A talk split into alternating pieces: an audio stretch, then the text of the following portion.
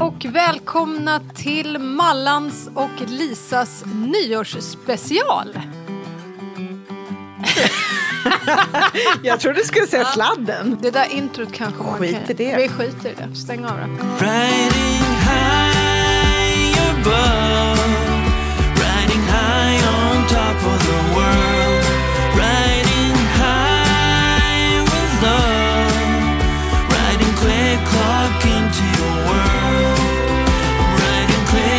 Quick into your world. Hej och välkomna till Lisa och Mallans julsmällkaramell. Jag skulle vilja säga att det är ett potpurri utav första säsongens eh, avsnitt. Och det är ju Lisa exakt ett år sedan vi började podda ihop. Ja, men jag vet. Det, idag är det på dagen, ett år sedan. Då satt vi här lite nervöst darrande och spelade in vårt eh, allra första avsnitt. Och sen dess har det blivit hur många avsnitt, Malin? Ja, men vi är uppe i 20 stycken om vi läser in med kvartssamtalen. Det gör vi ju. Ja, men det är klart vi gör. Och vi tänker att vi ska bjuda er lite på våra favoriter. Lite eh, klipp från olika avsnitt, lite citat, lite tänkvärda grejer, sånt som har liksom fastnat hos oss. Och vi har haft en rad olika härliga personer och personligheter som har gästat podden. Kan du nämna några? Ja, men vi har ju haft allt från Lisen Bratt Fredriksson till Blinde Yasin som flydde kriget till eh, Rim som rider i slöja. Vi har haft eh, världens bästa Karlsson som forskar på hur hästar gör skillnad. Vilka fler, Malin? Johanna Lastnack, vi har haft... Sjukhushästen och hans vänner. Ja, men det har varit liksom... Ja, det har varit ett sånt spännande år och jag känner personligen, gud vad jag har lärt mig mycket. Ja, men verkligen. Det är ju lite så som vi har pratat om innan vi satte oss här nu framför mickarna. Att så här, här kommer lite Pippi-mentaliteten hos mig. Så här, men det har jag inte provat, så det, måste jag, det kan jag säkert nog. Och det var ju lite så när corona bröt ut förra året. att så här, När inte vi kan komma till publiken och prata om hur hästar gör skillnad. Så föddes den här tanken och idén om att ja, men varför inte podda om det. Eh, och göra det på ett smart sätt. Och eh, bjuda in så att ni lyssnare får ta del av de här storiesarna. Alla ni som har lyssnat. Och tack för det. Stort, stort tack. Precis, och det som är extra roligt Malin, för det här var ju verkligen ett eh, snabbt påkommet, lite galet projekt som vi bara drog igång, det är ju att det har ju faktiskt gjort skillnad. Och hur kan vi se det kan man ju undra. Ja, men dels så kan man ju se att vi har ju uppemot 20 000 lyssningar på avsnitten. Vi vart nominerade som årets podd, men framförallt så har vi fått fantastiska kommentarer och stöd och messenger på alla ni som har lyssnat och verkligen där ni tycker att vi gör ett bra jobb och det är ju det som är drivkraften för oss att kunna fortsätta här nu inför säsong två som strax drar igång. Mm. Ja, men det är så roligt så kanske vi bara ska tacka våra fantastiska lyssnare med en liten applåd. Tack för att ni vill lyssna. Och jag tycker, Malin, nu när vi ändå sitter här på årsdagen så skulle vi, det skulle vara lite kul att bara ta det tillbaka och lyssna hur det lät den här dagen då när vi spelade in vårt allra första avsnitt. Och kommer du ihåg hur nervösa vi var? Ja, gud, man tänkte hur svårt ska det vara att prata? Det gör jag både på in och utandning, men helt plötsligt när micken drog igång så var det lite så här. Ja, så vi ska lyssna på det. Häng med! Häng med.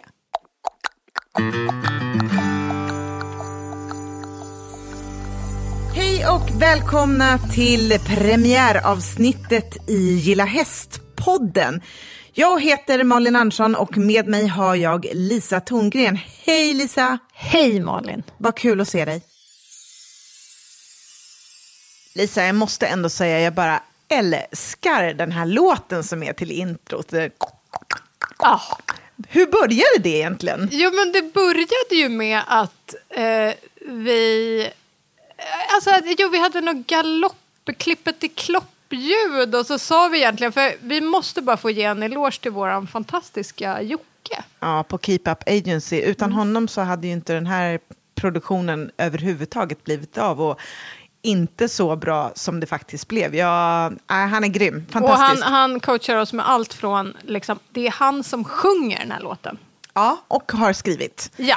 Den otroligt svåra musiken till Ja, det. ja, men också hela den här tekniska coachingen och klippandet. Så Jocke, du är grym. Ja, fantastiskt. Men det här var ju då som sagt från vårt allra första avsnitt. Vi satt i min lilla gäststuga. Men nu ska vi ju faktiskt gå över till gästerna. Och vår allra första gäst, Malin, vem var det? Det var Liselott på Humlamaden, eh, Grön Rehab, som ligger utanför Veberöd, Sjöbo, Skåne. Precis. Och Lislott eh, kom in i bilden för att eh, Humlamaden Grön Rehab, Lislott skulle jag vilja säga är en av pionjärerna inom hästunderstödda insatser och har jobbat med det här långt innan det ordet ens fanns. Och Liselott tar ju emot eh, patienter, både barn, unga, vuxna, allt från svårt, svårt utbrända människor som i princip har gett upp på systemet till eh, barn med anorexia, till eh, skolelever. Eh, Det, det finns många, många som har fått hjälp genom Liselott, hennes fantastiska team av hästar, hundar och utbildade människor. Och eh, så vårt allra första avsnitt, då satt vi faktiskt i ridhuset hos Liselott. För det var ju under corona, när det liksom var lite som värst. Liksom. Och vi ska bara lyssna på Liselott när hon beskriver vilka är det som kommer till henne och eh, hennes dagliga arbete. Jag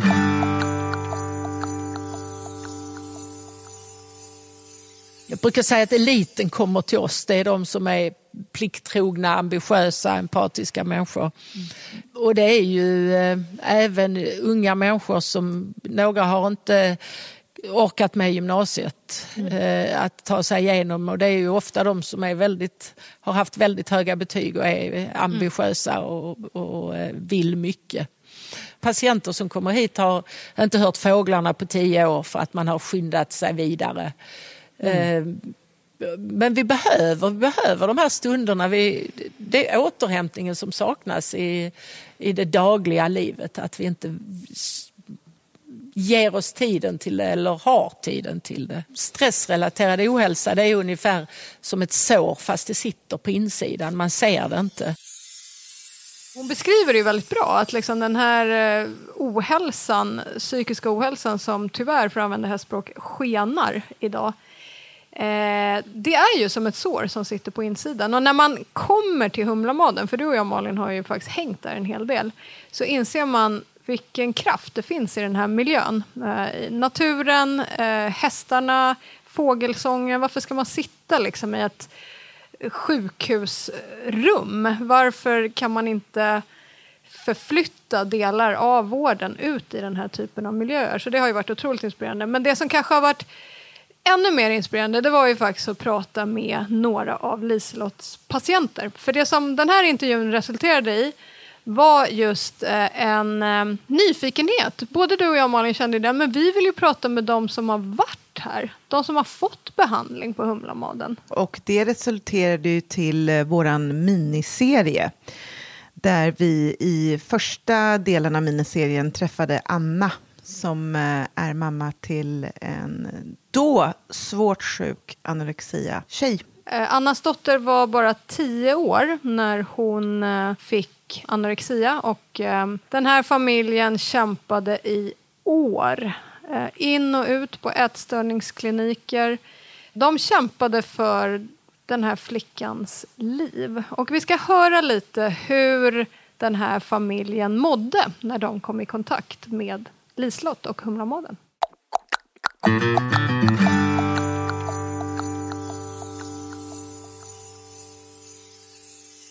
Hur såg ert liv ut? Hur, hur mådde ni som familj? Ehm, man går in i ett eh, läge där det gäller ens barns överlevnad. Ehm, hon hade ju en eh, kroppstemp på eh, 35 och 8. Det säger ju rätt mycket om hur hennes kropp fungerade eller inte fungerade. Och det är bara nu, nu kämpar vi för hennes överlevnad. Ja, men jag matade henne i tio månader med sked. Så länge har man ju inte ens matat dem som, som bebisar. Mm. Och mata en 10, 11, 12-åring som faktiskt börjar bli ganska stark också trots den här sjukdomen. Det är en kamp. Ja, men vi har hela tiden haft jättebra stöttning eh, från nätstörningsteamet men som de sa, de har inte haft mer de har kunnat hjälpa oss med eh, i det läget. Och under ett tag så hade vi ju ja, men 10-15 strypincidenter om dagen när hon ville ta sitt liv. Och det pågick kanske fyra, fyra fem månader. Och då, nu måste vi ha en annan hjälp. Nu, nu orkar vi inte mer. Vad var hennes reaktion när, när du föreslog det här din dotter att, att, eh, och när ni kom hit? Nej, men hon vill ju inte hit. Nej. Eh, det är inte så att hon har skrikit av lycka när hon har kommit hit. Hon pratar fortfarande inte om det. Ehm, men vi märkte ju efter några gånger att då kunde vi minska medicineringen. Vi kunde halvera medicineringen efter två gånger här efter. Hon blev lugnare.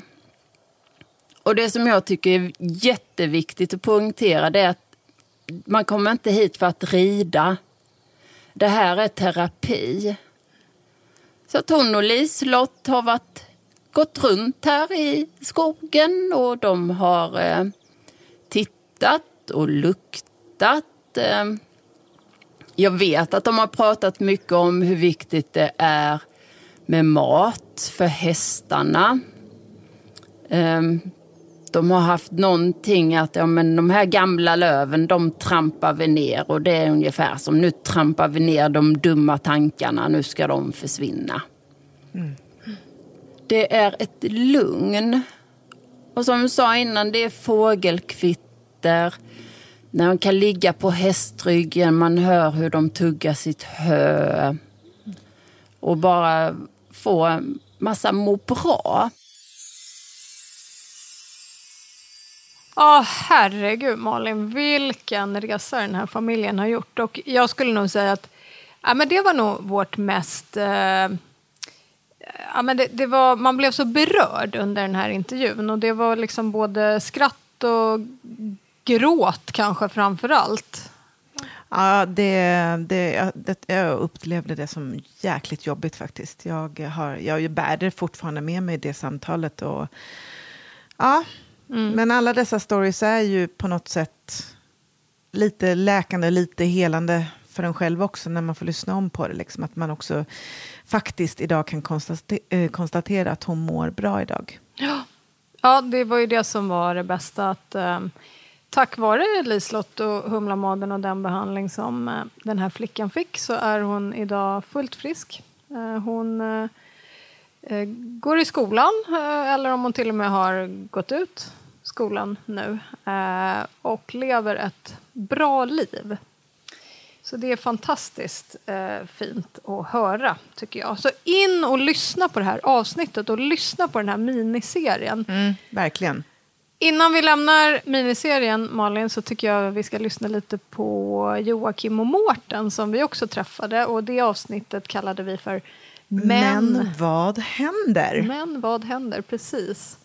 De här männen då, Joakim eh, kommer från en eh, karriär inom näringslivet, har varit högst uppsatt chef och Mårten kommer från skolans värld.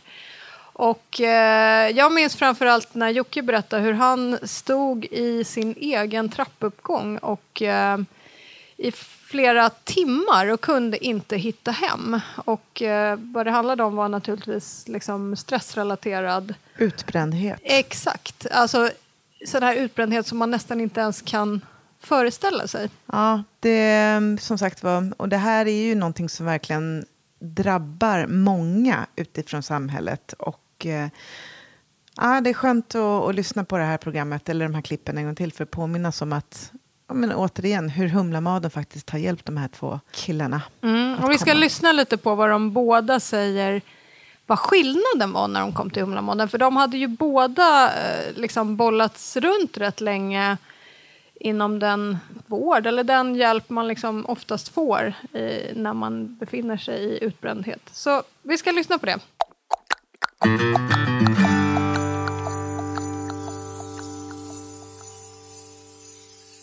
Vad hände när ni kom hit till Humlamaden? Eh, för min del så var det första gången jag gick helt utanför min comfort zone. Det var någonting helt nytt för mig. Eh, och jag kände väl att jag hade testat allt. Eh, hade fått all form av rehabilitering som vården kan erbjuda tidigare, det vill säga eh, mediciner och eh, terapi. Eh, men när jag kom hit så stod det väl klart redan första halvtimmen att oj, det här är någonting helt annat. Ehm, det här kan bli något.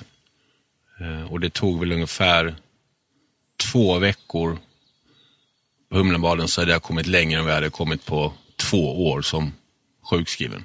Det var ganska magiskt ganska fort. Innan jag kom hit här så hade jag så, så klappat en häst. Det var det, det, det närmaste jag hade kommit en häst. Lagt min hand väldigt, väldigt sakta, lite darrande på en häst. Men det blev så tydligt ganska fort att, att så hästar är väldigt inkännande. De är väldigt, eh, jag kommer från, då, från förskolans värld och med mycket människokontakt. Så hästar, alltså de är väldigt raka. De berättar vad de vill. De berättar om de vill ha kontakt med mig. Vill de det står de kvar, annars vänder de på klacken och går. Om jag då utstrålar negativ eller nervös energi. Men så den kombon med då de x antal hundra kilorna bakom sig och den eh, så inkännande och den sensitiviteten som hästarna har, den kombon för mig var eh, ja, helt magisk. Och fick mig även att sakta, sakta få tillbaka en tro och ett hopp att jag kunde. När eh, mina, eh, när mina relationer stärktes med hästarna, när jag kom närmare och lärde känna de olika personligheterna. Det stora djuret som var 10 000 gånger större än vad man hade föreställt sig. Helt plötsligt står man där och vet inte vad man ska göra. Ehm, och så får man en liten buff på sig, en liten knuff, så liksom släpper allt. Ehm, det var magiskt. Likadant första gången vi hade eh, avslappning på hästrygg. Um, jag ska inte säga att jag var skeptisk innan, men jag tyckte det lät lite konstigt. Um, och så sa Liselotte innan att man kan bli lite darrig på benen efter så att ni stöttar varandra för att man kan uh, ramla och slå sig. Uh, och det var riktigt häftigt. Uh, och när jag hoppade av där så var det som en ja, karatefylla. det var väldigt eh, vingligt. Men det var fruktansvärt positiv känsla. Humlamaden, Malin, herregud, vi har tillbringat rätt mycket tid där och det är fantastiska historier vi bär med oss och eh, upplevelser. Alla de här mötena med de här människorna och jag skulle verkligen vilja uppmana alla er lyssnare, in och lyssna på vår miniserie för det är faktiskt bland det bästa vi har gjort skulle jag vilja säga. Ja, många av de Ja. andra avsnitten är också väldigt, väldigt Jajamän, bra. Men ja, vi är extra stolta över dem. Ja, Så men det är vi faktiskt. Mm. Myrby stallinredning. Vi gör dina stalldrömmar till verklighet. Egen produktion och lager i Enköping. 50 års erfarenhet. Vi bygger stall som håller länge. För dig, miljön och plånboken.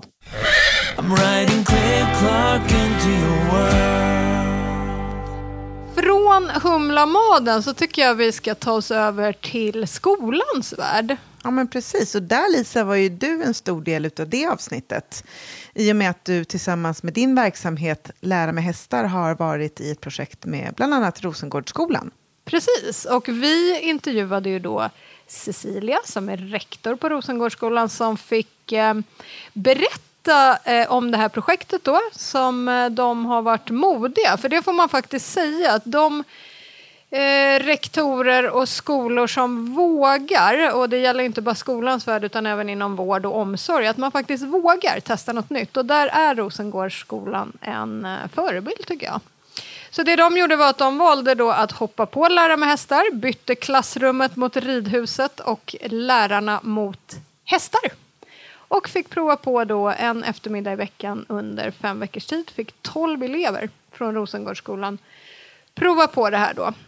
Och ni får ju gå in och lyssna på avsnittet, men det som eh, är intressant i det här klippet vi ska lyssna på nu, det är när Cecilia pratar lite om men vad gjorde det här för skillnad då? Såg man några resultat?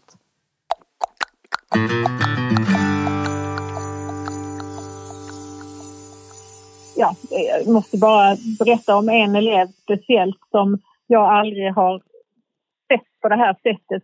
Ögonen eh, lyste och eh, eleven uttryckte sig och pratade på ett sätt som jag aldrig har upplevt i skolan.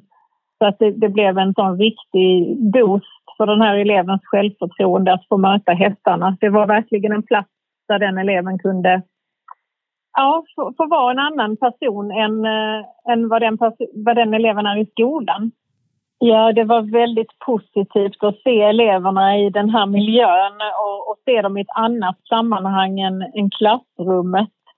Eh, och jag tänker att man får syn på saker på ett annat sätt. Bland annat, ja dels var det den eleven jag berättade om tidigare men också hur en grupp elever där det fanns en väldigt stark ledare eh, inte klarade av de här uppgifterna lika bra som en grupp där de, där de samarbetade bättre och lyssnade mer på varandra.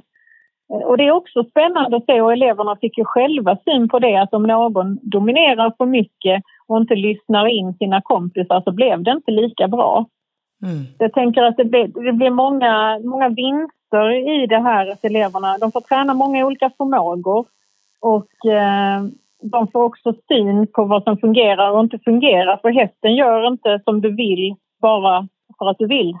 Mm. Utan du måste verkligen kommunicera med hästen och i det här fallet också med dina kompisar. Kunde ni se några konkreta resultat? De här eleverna som deltog, de här tolv, tog de med sig några lärdomar tillbaka till klassrummet? Kunde ni i personalen se det? Absolut, det, det, skulle jag definitivt säga. Jag upplever framför allt ett ökat eh, självförtroende men också en ökad självmedvetenhet. Mm. Att få hästen att göra som du, som du vill, det skapar självförtroende när du lyckas med det. När du lyckas kommunicera med hästen, när du lyckas leda hästen så, eh, så stärker det självför, självförtroendet och självkänslan.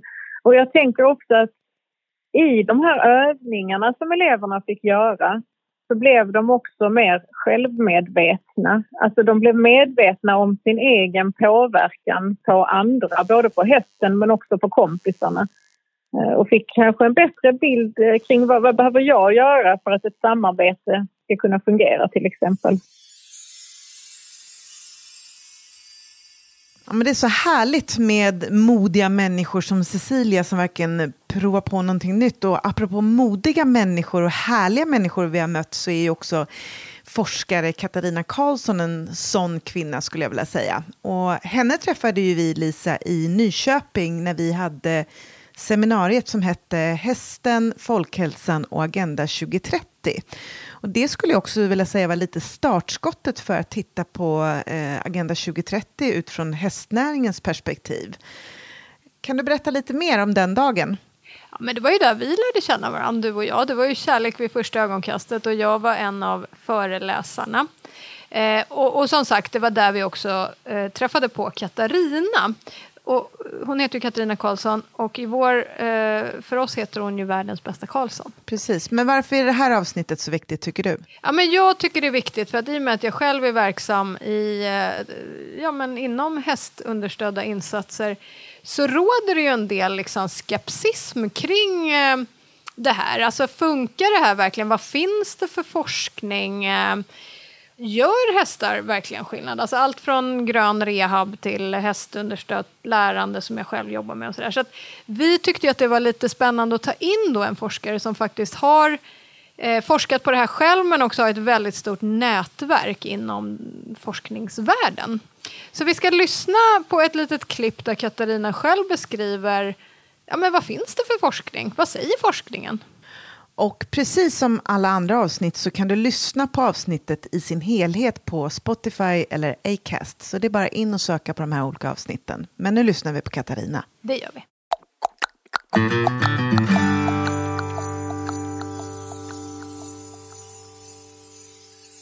Jag som ehm, också är verksam inom det här området och använder hästar eh, som mina kollegor. Jag får ju ofta den här frågan, ja men vad finns det egentligen för forskning kring det här? Och kan du ta fram lite bra underlag som vi kan presentera uppåt? Har du något tips till mig där? Hur kan jag sammanfatta och vilka saker skulle jag kunna lyfta fram kring, du, du var inne på det tidigare, att det finns ju mycket forskning. Men vad är kärnan, vad är essensen i den forskningen? Kan man göra det så enkelt? Nej, man kan inte riktigt göra det. För jag tänker Lisa, du har ju liksom ett företag som handlar om lära med häst. Ja, men i ditt fall då skulle jag ju säga att ja, men då är Hilde Hauges forskning fenomenal eftersom den handlar egentligen om aktivitet med häst fast den har ett pedagogiskt inslag. Alltså den handlar verkligen om att ha ett pedagogiskt liksom, tråd i den. För jag menar beroende på vilka liksom, områden man arbetar med då är det olika forskare man ska luta sig mot. Medan om man tänker att jag jobbar med missbruksgruppen, det är de jag jobbar med. Ja men då är det ju, nu lever hon tyvärr inte längre, då är det Ann Godals forskning som man ska luta sig mot. För att hon har ju studerat det. Men är man däremot intresserad av, ja men jag vill veta vilka teoretiska liksom, perspektiv jag ska utgå ifrån. Ja men då tänker jag att Kar Karin Bachi som exempelvis har tittat mycket på anknytning, för de som jobbar med anknytning, ja men då ska man luta sig mot Karin Bachis forskning. Eh, så beroende på vilket område man är så har man ju olika forskare att, att luta sig emot. Ja, men en av de sakerna som jag verkligen fastnade för hos Katarina var ju det här tankesättet att vara lite mer som en häst.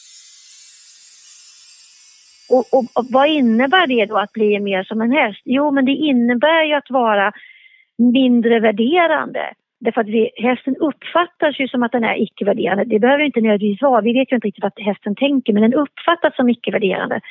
Det är väldigt svårt som människa att bli upplevd som icke-värderande. För att vår inre röst när jag möter dig Malin eller dig Lisa så tänker jag kanske undrar vad Lisa tänker om mig när jag har de här kläderna på mig. Eller när jag är forskare, vad tänker de om mig nu? Tror de att jag är en sån här fisförnämnd? Du vet, ja, ja, du vet. Alla de här tankarna har ju vi i oss. De växer ju inte när vi möter en häst. Men kan vi människor på något vis se till att, att vi skapar utrymme för att inte nödvändigtvis uppfattas som att vi är värderande. Så jag tänker att mitt mål har ju varit det, att hur kan jag bli mer som en häst? Och jag har ju gått tillbaka till kriminalvården och jobbat där nu under ett halvår, under 2020, för att just testa det. Vad händer om jag går tillbaka till samma liksom, arbetsplats, kriminalvården, jag är inte exakt som anstalt, och så är jag mer som en häst, vad händer då? Nej, men jag tycker det var så klokt beskrivet det som Katarina sa, att vara mer som en häst är att vara icke-dömande. Och det var ju även Johanna Lassnack, en av våra gäster. Hon är ju även coach, mental tränare för väldigt mycket ungdomar inom ridsporten. Det som är spännande med henne är ju som sagt att hon är ung och hon är väldigt driven och hon har lyckats hitta en ganska eh, ja, men, eh, ny och fräsch nisch liksom, inom hästbranschen med just den här mentala träningen, mentala coachingen. För ryttare då jobbar ju med eh, häst till skillnad från en tennisspelare till exempel. Så att vi måste ju ha våra känslor extra mycket i, i schack när vi umgås med de här stora djuren. Så att det samtalet vi hade med Johanna handlade ju mycket om det. Vad är det unga idag faktiskt behöver coaching kring? Vad är det de funderar på? Vi pratade ju även om att eh, det hände en sak i hennes liv som vände lite upp och ner på, på det känslomässiga planet skulle jag vilja säga. Och likadant där, hur tar man sig förbi det? Hur, hur jobbar man med de bitarna? Mm. Och eh, jag tycker ni ska in och lyssna på det här avsnittet. För att hon säger så mycket kloka, bra saker som jag tror alla faktiskt kan ta med sig någonting. Och vi ska lyssna på slutklämmen kan man väl säga. För vi sa det till Johanna på slutet. Men okej, okay, ge oss dina bästa tips. Hur ska vi, vad ska vi ta med oss härifrån idag? Så vi lyssnar på det. Ja, men det gör vi.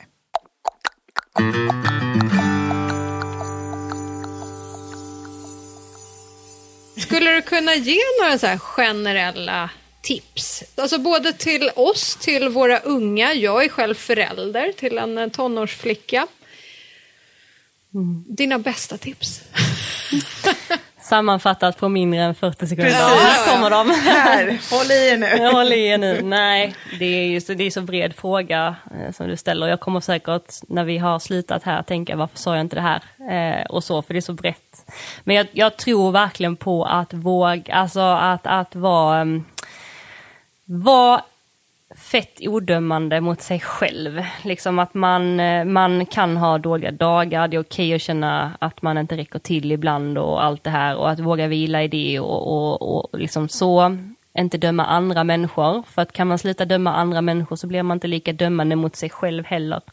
Um, och förstå att andra människor, för att jag upplever att det kan vara mycket frustration till andra människor. Ah, hur kunde hon säga så? Hur kunde han behandla mig så? Hur kan man göra på det här viset? Vilket gör att man går och liksom irriterar sig och vill ibland hämnas och man vill ibland sätta dit. Och jag upplever mycket det på nätet idag, liksom också så att det är mycket kommentarer, liksom så här, ah, alltså lite så, taggarna utåt. Eh, Men jag, jag tror att om man försöker istället förstå varför en människa gör som den gör, Man kanske inte hittar svaret, men tänker att det vilar säkert en djupare förklaring till varför den här personen gör som den gör. Ehm, Så blir man lite mer lugn. Herregud vad mycket klokskaper vi fick med oss från eh, Johanna Lassnack, eller hur Malin? Ja, men verkligen. Och från en ung cool tjej till en annan. Vi träffade ju också Rim Alatar. Eh, Rim är 16 år. Hon är muslim.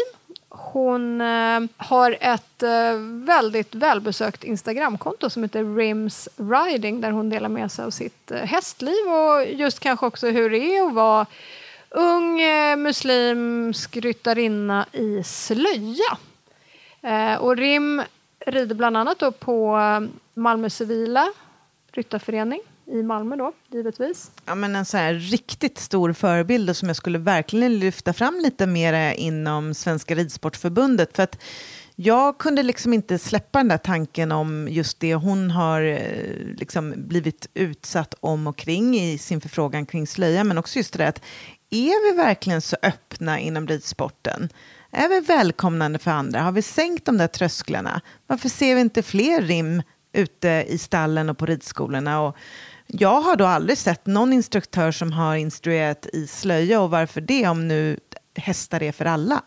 Och det som jag fastnade speciellt för kanske, det var när Rim beskrev just det här hur hästar har gjort skillnad för henne. Så vi, vi ska lyssna på det.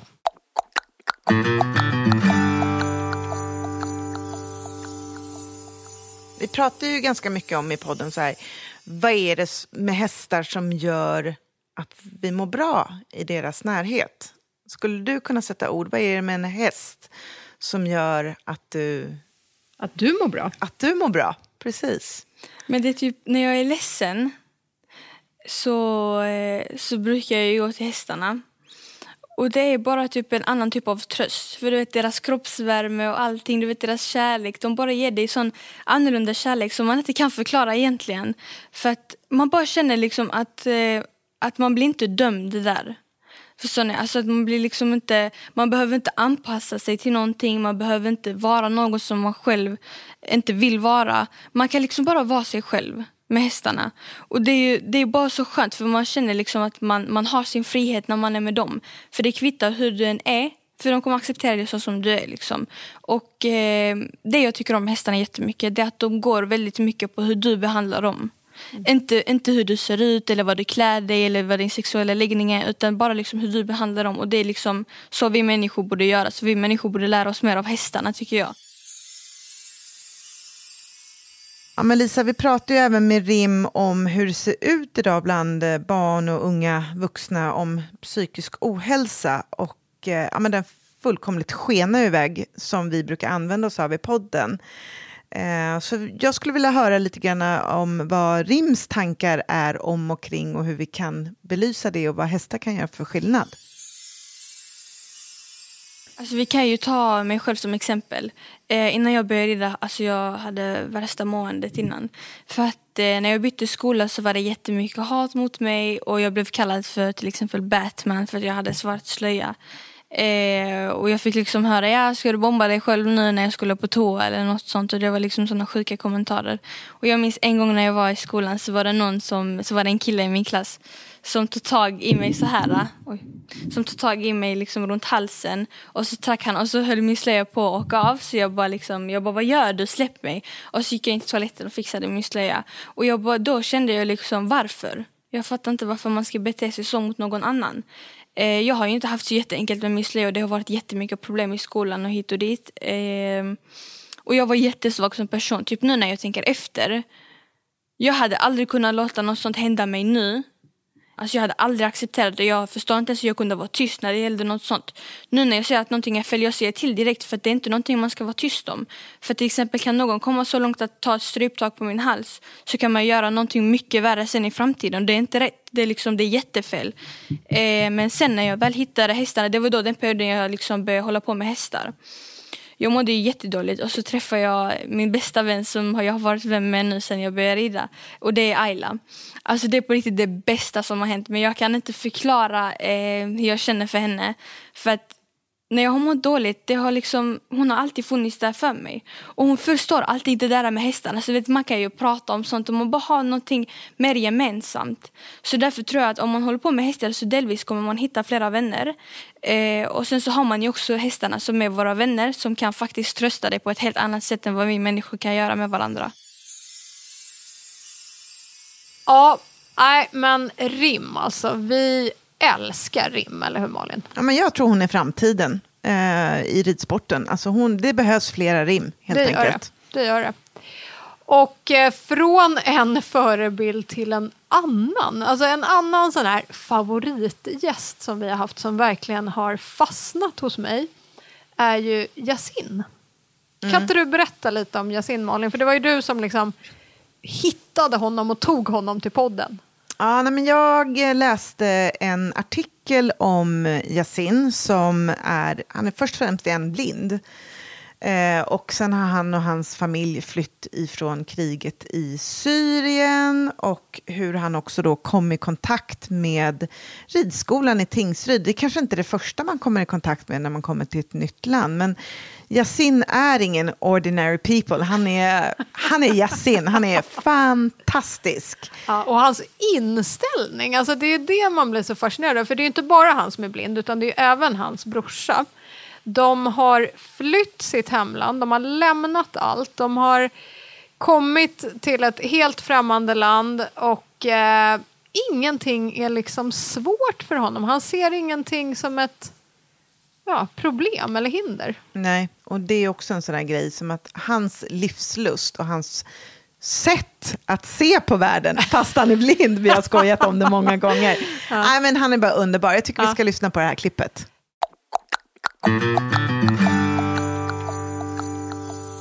Ja, att vara blind. Ja, jag skulle nog inte kunna påstå att det finns ju svårigheter direkt så. Men eh, det är klart, det finns ju saker som är lite svåra att eh, genomföra. Det, det får man vara ärlig med.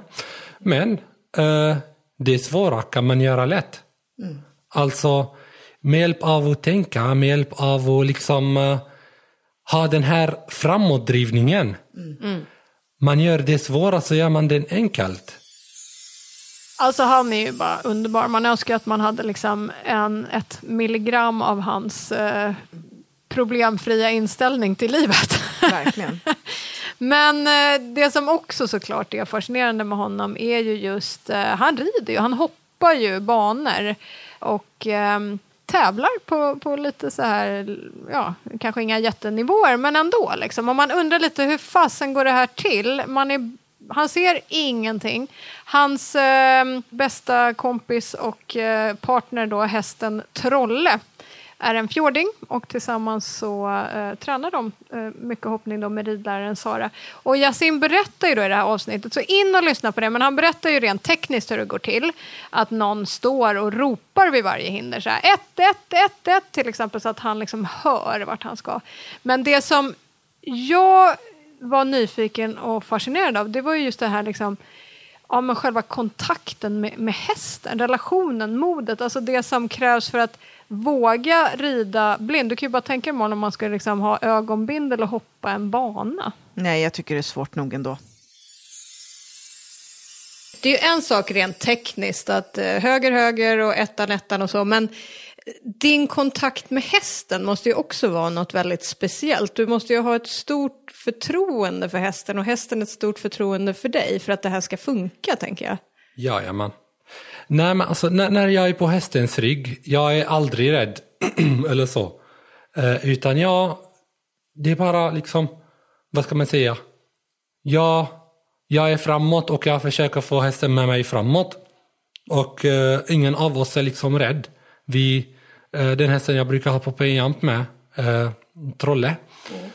En eh, fantastisk fjording. Alltså han det är också så gulligt, för de ser man ju rätt sällan på han hoppbanan. är, han är underbar alltså. Ja. Eh, ja, och eh, så har vi liksom, vi har ju fin kontakt, vi har bra kontakt. Och jag vet, jag ska inte säga att jag tror, men jag vet att han känner av att jag är blind. Mm. Och han hjälper mig på ett fint sätt och jag hjälper honom. Eh, som jag sa tidigare och som jag alltid liksom, en tanke jag har, att jag inte har några ögon men jag har ett hjärta och jag har liksom andra känslor som jag kan erbjuda hästarna.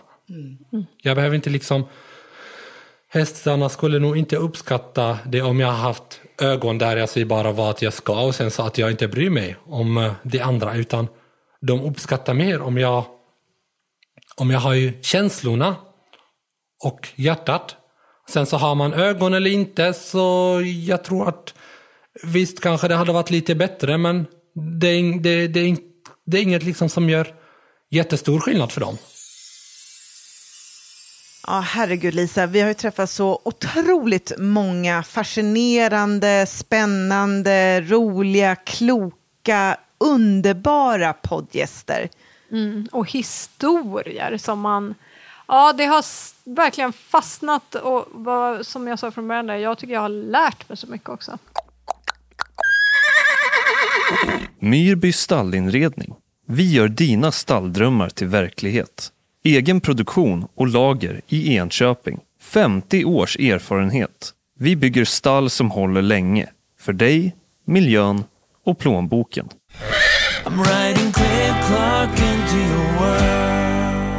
Och det vi också har tagit upp med alla våra gäster är ju en specifik fråga som vi alltid avslutar med. Ja, för tanken med den här podden var ju just det här att vi ville dela magiska möten och vi ville genom de här historierna visa på att hästar gör faktiskt skillnad. Och just i allt från eh, att eh, hitta hem i sitt nya hemland till inom skolan, inom rehabilitering, stresshantering, anorexiavärlden. Vi har ju bara lyssnat på några klipp här idag. En av de här återkommande frågorna som alla våra gäster har fått svara på är just det här. Om du fick skicka ett kort meddelande till våra beslutsfattare och politiker och då tänker vi liksom framförallt utanför hästvärlden. För att fler då ska fatta galoppen och förstå hur hästar gör skillnad, hur skulle det låta? Och vi ska lyssna på några av alla de här kloka svaren. Och först ut är faktiskt ingen mindre än Lisen Bratt Fredriksson som vi hade förmånen också få podda med. Mm, det var den dagen det snöade för enda gången på Österlen. Eh, så det var ju lite mysigt. Eh, sen är det ju så, Lisen hade ju också eh, förmånen, skulle jag vilja säga, att få sommarprata. Och där nämner hon ju också delar av de eh, möten som hon har tack vare eller på grund av podden kommit i kontakt med. Så det kände jag lite stolthet över faktiskt. Men vi lyssnar på vad Lisen har att säga till politikerna.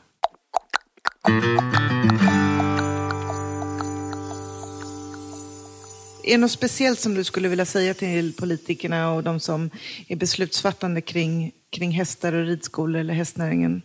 Jag ska sammanfatta det i en kort nej, men det är ju svårt när man inte har nej, men jag förberetts på tycker frågan. att, nej, men jag tycker att eh, man måste satsa på barn och ungdomar. Att jobba och få vara med hästar, både som sport men också ur det perspektivet att det gör en till en, en bättre människa. Den biten, de måste se på eh, hästarna och ridsporten ur ett större perspektiv. Att det är bra för jordbruket, för landsbygden, för barnen och för liksom sporten att röra på sig aktivt. Det är en, en, en väldigt sund eh, livsstil och väldigt nyttig för barnen. Så det, den, den biten skulle vi vilja... Det är en, det är en stor eh, plattform. Bra sagt av Lisen tycker jag. Och eh, vi ska fortsätta och lyssna vad Annika har att säga. Eh, samma fråga, vilket meddelande hon skulle vilja skicka till politikerna. Och Annika är en fantastisk kvinna som har startat upp en eh, travbanegrupp uppe i Sundsvall. Där unga vuxna med olika funktionsvariationer har fått en meningsfull sysselsättning samtidigt som den här travbanan då får eh, fantastisk arbetskraft. Så vi ska lyssna på vad hon vill säga till politiker och beslutsfattare om vad det här har gjort för skillnad.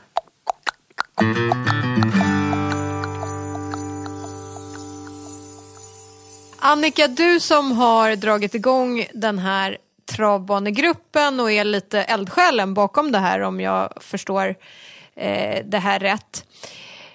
Du har ju gjort ett fantastiskt jobb och det tycker vi är så himla inspirerande med att alltså inte bara dra igång den här gruppen utan också att etablera ett samarbete med kommunen där man faktiskt hittar det här win-win-win konceptet som vi pratade om.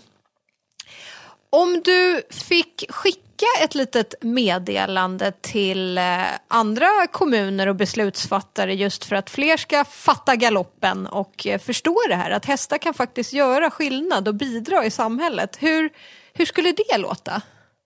Jag tänker så här att eh, våran modell här på Bergsåker innebär ju att eh, alla vinner på det. det. Det finns inga förlorare utan eh, bara vinnare. Travbanan tjänar på det, kommunen tjänar på det och vi har deltagare i grupperna som eh, faktiskt har en arbetsplats där de tycker att eh, de trivs och vill vara på och utvecklas. Eh, och då tänker jag att om jag har en förmån kan man säga att min arbetsgivare har låtit mig jobba utifrån min drivkraft. Jag brinner för utveckling och Eh, jag har fått utveckla travskolan och utbildningsverksamheten på det sätt jag önskar här. Och tar man tillvara på de här drivkrafterna som finns ute på banorna och dessutom då ser vinsterna med de här, den här gruppen så tror jag man kan lära sig mycket på vägen och få igång grupper lite varstans som fungerar lika bra. Men jag tänker, ni har ju 16 deltagare hos er och så säger vi 16 gånger 33 travbanor. Ja, men där har vi ju några hundra ungdomar eller unga vuxna som skulle kunna få en meningsfull sysselsättning samtidigt som Samhället tjänar på det också. Ja, och Mm. travbanan. Så att det, det, det är ju bara att göra en enkel matematik där vad många man faktiskt skulle kunna eh, få in i det här. Nej, men det är så härligt också att få höra Kristoffer som är en av de här deltagarna att säga vad den här gruppen har betytt för honom och det här jobbet har betytt för honom. Så jag tycker vi lyssnar på vad Kristoffer har att säga om det också. vill jag faktiskt säga, säga en sak till här. Att få jobba på det här stället, att få vara med och också se alla som är här på, på travet. Det, det är fantastiskt också se, också se hur man kan lära sig också få vara med hästar. Det är, det är underbart också få vara här. Och du är underbar Kristoffer som berättar det här och kan inspirera så många andra att faktiskt kanske söka upp en travbana och eller be deras kommun att skapa upp en sån här travbanegrupp helt enkelt. Mm. Och överhuvudtaget komma i kontakt med hästar. För hästar verkar ju ha gjort stor skillnad för dig, Kristoffer. Ja, det har gjort en väldigt, väldigt, väldigt stor betydelse. Kristoffer, alltså han, fantastisk. Jag, han sätter verkligen ord på det här. Och från Kristoffer då så eh, går vi tillbaka till Cecilia. Vi hörde ju Cecilia från Rosengårdsskolan prata i ett tidigare klipp här. Men jag tycker också att hon sammanfattade så himla bra det här vad hon skulle vilja säga till beslutsfattare och politiker och skolvärlden eh, kring det här. Hur hästar gör skillnad och eh, eh, vilken resurs det kan vara inom skolvärlden.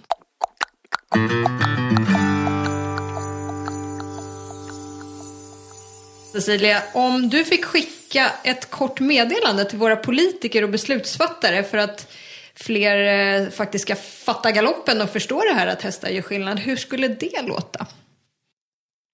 Ja, jag skulle säga att eh, våga, våga satsa på att låta hästar få ta plats i samhället. Våga satsa på att låta hästar få ta plats i skolan, i sjukvården och på andra ställen eh, där, eh, där det finns människor som behöver eh, på något vis ja, få växa, få uh, utvecklas eller uh, komma tillbaka kanske efter sjukdom. För hästar har en fantastisk förmåga att uh, verka avstressande, att få dig att vara här och nu samtidigt som hästar bygger självförtroende, lär dig kommunicera, lär dig vad relationer och tillit egentligen handlar om. Och eh, ja, ledarskap skulle jag säga är en förmåga man verkligen tränar med hästar och det är ju någonting som våra barn och unga behöver i framtiden. Vill vi till exempel ha fler politiker i framtiden så kanske det är värt att satsa på hästar så vi får unga med ett tydligt ledarskap. Nej, men det är intressant det där hur hon nämner just det här med ledarskapet. Och jag har ju haft förmånen att gå den här utbildningen genom HNS, hästnäringens nationella stiftelse och den som ligger bakom den här podden. De har en utbildning som heter Ledarskapspraktikan häst, där man lär sig mycket om ledarskap. Och det har varit en fantastisk utbildning, framförallt för mig själv och mitt eget ledarskap, men för de deltagarna. Det har varit jätteroligt och jätteintressant. Men eh, jag tycker vi ska lyssna på ett klipp också från en annan väldigt klok kvinna. Det är Louise Chatelli som har Sjukhushästen och hans vänner. Och eh, vi ska lyssna på ett klipp vad hon vill eh, föra fram till politikerna. Men vi kanske bara ska säga det också att Louise åker ju runt med sina hästar och djur. Hon har väl en hund och en kanin och ett antal hästar som åker runt och gör besök på både sjukhus och i privata hem hos barn som är i livets slutskede. Otroligt tuffa, svåra besök, men där det här kanske kan vara avgörande både för eh, en, en hel familj men också det här barnet som ligger där att få den här, det här mötet. Och tänk om fler kommuner och eh, beslutsfattare kunde se vilken eh, nytta och vilken glädje det här kan sprida. Vi ska lyssna på vad hon har att säga.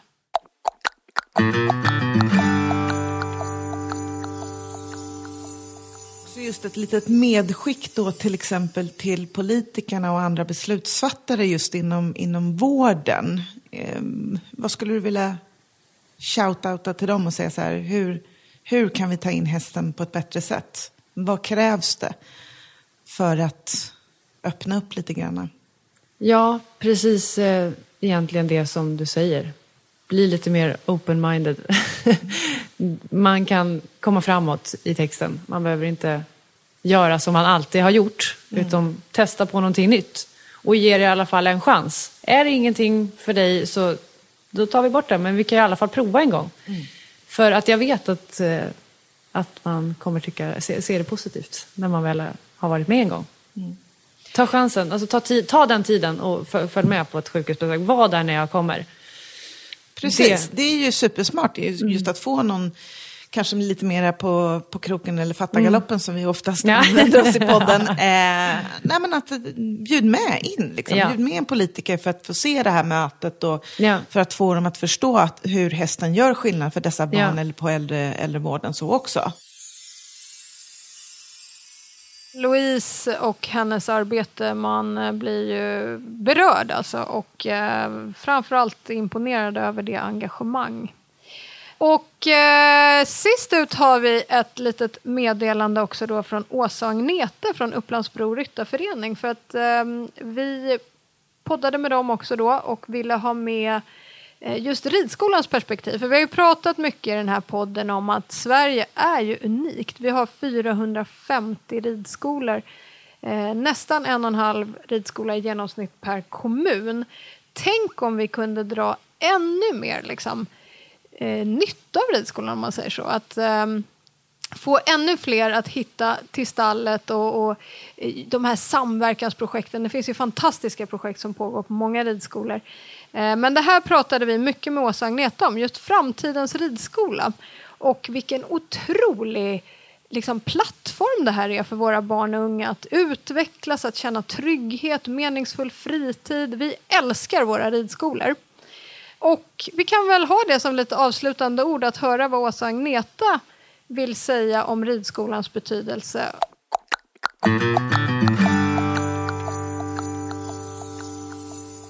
Om ni skulle få skicka ett kort meddelande till våra politiker och beslutsfattare just för att fler ska fatta galoppen, som vi brukar säga, att hästar faktiskt gör skillnad i samhället och kan bidra och vara en resurs. Speciellt ridskolan då, som vi har pratat om nu. Hur skulle det låta, Agneta?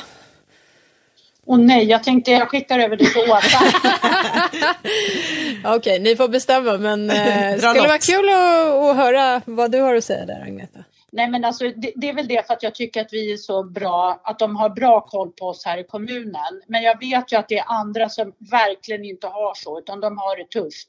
Och jag skulle vilja då att, de, att alla förstår i alla kommuner vilken resurs det här är. Och att ett samarbete mellan föreningen och kommunen och skola och allt sånt, det gynnar. Allt det gynnar.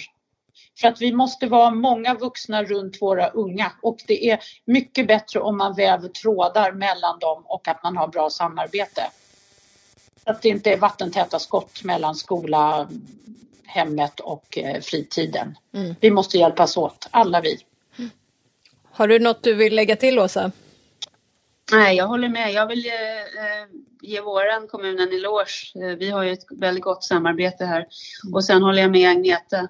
Och sen är det väl så att, att det är ju en, det här med hästar och som jag sa tidigare, tråkig verksamhetsskildring, men, men det är ju dyrt. Så att det kan ju vara så att bi- bidrag till just ridskolor och, och ryttarföreningar som jobbar på det här sättet som vi gör kan ju behöva ytterligare bidrag än andra ideella föreningar i och med att det är så dyra omkostnader. Så att man kanske satsar på det lite mer.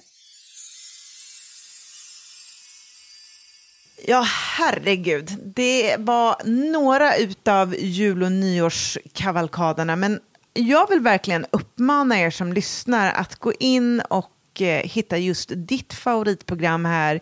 Nu när tiden kanske är lite lugnare kring jul och nyår eller du går ut och mockar och hitta de här välgörande hästkrafterna även i våra poddavsnitt och med våra otroligt kloka eh, gäster.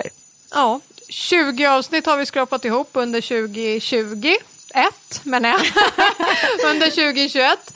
Och eh, på allmän begäran så blir det ju en säsong två, Malin. Ja, det är så roligt och jag är så taggad att eh, kunna välkomna den första gästen inför 2022. Mm, så håll öron och ögon öppna. Snart kommer nya avsnitt, men tills dess... God jul! en gång till. God jul!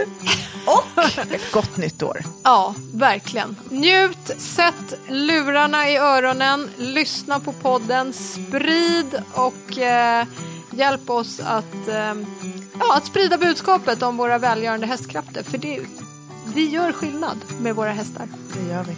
Mm.